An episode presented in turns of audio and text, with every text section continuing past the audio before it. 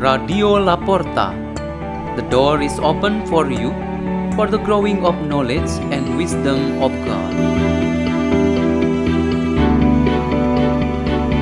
By the Laporta collaboration, led by Peter Tukan, priest of the Salesians of Don Bosco.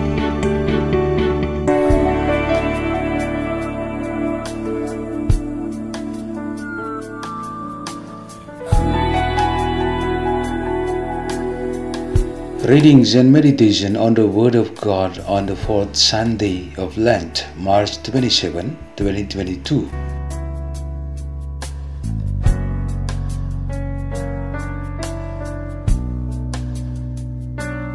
The reading is taken from the book of Joshua. The Lord said to Joshua, Today I have removed the reproach of Egypt from you. While the Israelites were encamped at Gilgal on the plains of Jericho, they celebrated the Passover on the evening of the 14th of the month. On the day after the Passover, they ate of the produce of the land in the form of unleavened cakes and parched grain. On that same day after the Passover, on which they ate of the produce of the land, the manna ceased. No longer was there manna from the Israelites, who that year at ate of the yield of the land of Canaan. The word of the Lord.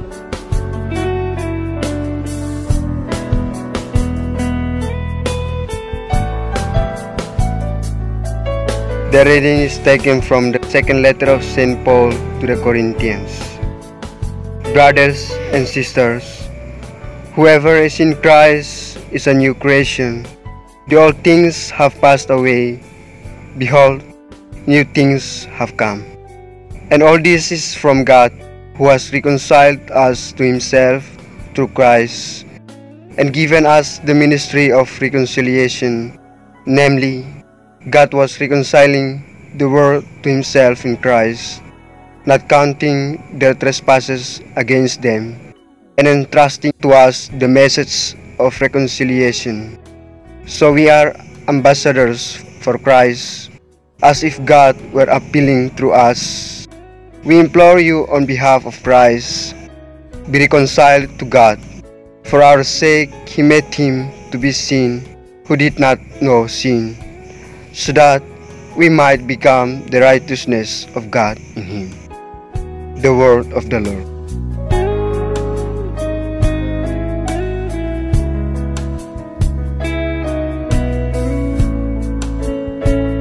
Gospel of Jesus Christ according to Luke chapter 15 verses 1 to 3, 11 to 32.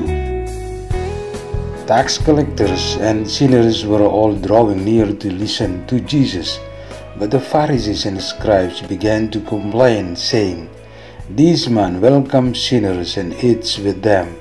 So to them Jesus addressed this parable.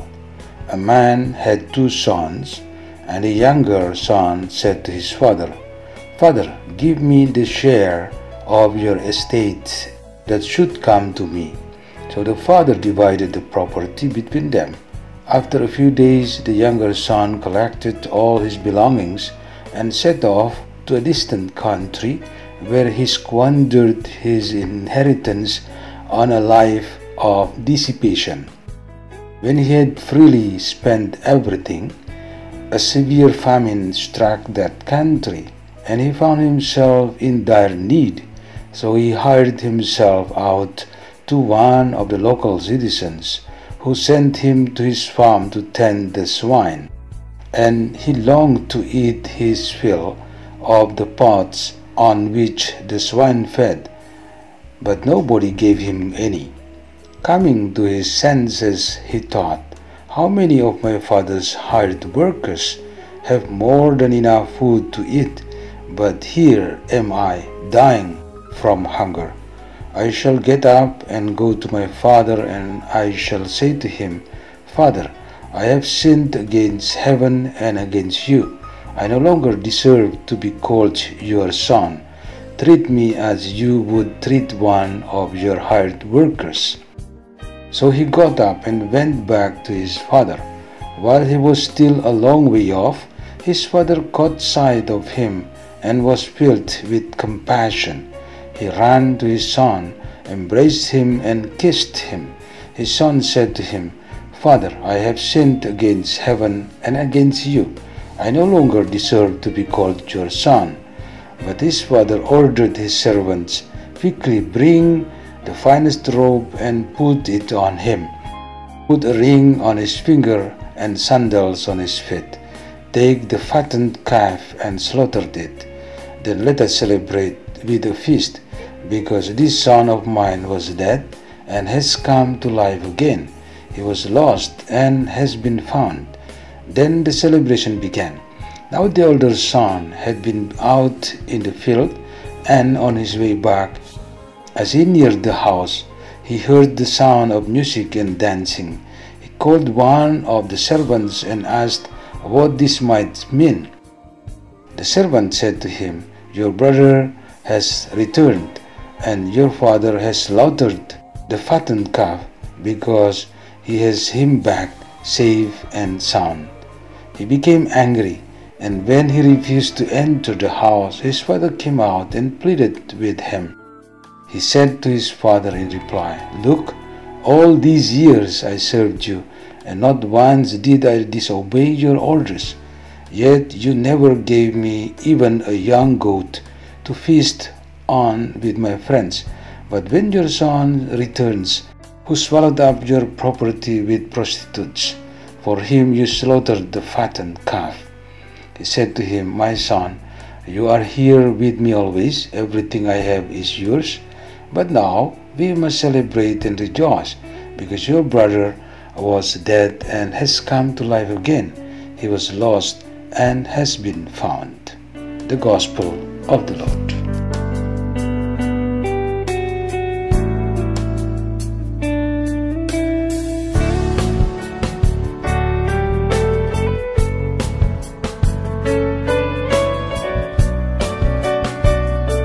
Theme for our meditation on this fourth Sunday of Lent is the call to return. We reflect on our return here to remind us that Easter is drawing near. We are increasingly feeling the excitement and warmth of this solemnity so blessed for all of us. This return, therefore, is not a setback, a failure, and sort of sin in the past pulling us back. Due to one or another sinful act, we human beings have fallen and become far from God. In spiritual understanding, sin, alienation, and apostasy have kept us far away from the Lord. So the call to return to the truth, the path of God, and the embrace of His love should become very important achievement in our faith. This time is the moment of our direction to return. God is the first voice to call us from sin and alienation of life. He cannot bear Adam and Eve, David, Peter, Saul, Mary Magdalene, and each of us who are bound by sins. He is actually waiting for us in the church through the sacraments served and the word being proclaimed in churches' devotions and through loving services of others. From all these ways, we are called to go back to Him. Listening to His call signifies our opportunities to be accepted, to be forgiven, and to be recognized again as His beloved sons and daughters. The people who looked after us, or those who care for us, also calls us to return. They could be our parents, mentors, educators, leaders, brothers or sisters. Joshua was a leader and a brother as well who called his fellow men and women to come to the fulfillment of God's promises. Parents call us to return to serve them and our homeland. The church and state leaders call on us to return to take part in the nation and society building, that we will be able to create a social justice for all. And many other appeals also wanting us to return to a worthy and righteous life. The next one to also call us to return is ourselves. Our own consciences continue to call us anytime, any place, which we should perceive it as something very important. When we realize in certain moment of life that we have been dealing with things out of standard of Christian morality, something so superficial or mere pleasures of the world, we should listen to what our consciences speak. They usually say on the contrary, namely, to call us to the goodness and truth. Let's pray. In the name of the Father, and of the Son, and of the Holy Spirit. Amen. O Heavenly Father, may this Sunday worship give us strength to return to you with joy. Keep us always your beloved sons and daughters. Hail Mary, full of grace, the Lord is with you. Blessed are you among women, and blessed is the fruit of your womb, Jesus. Holy Mary, Mother of God, pray for us sinners, now and at the hour of our death. Amen. In the name of the Father, and of the Son, and of the Holy Spirit. Amen. Radio La Porta. The door is open for you.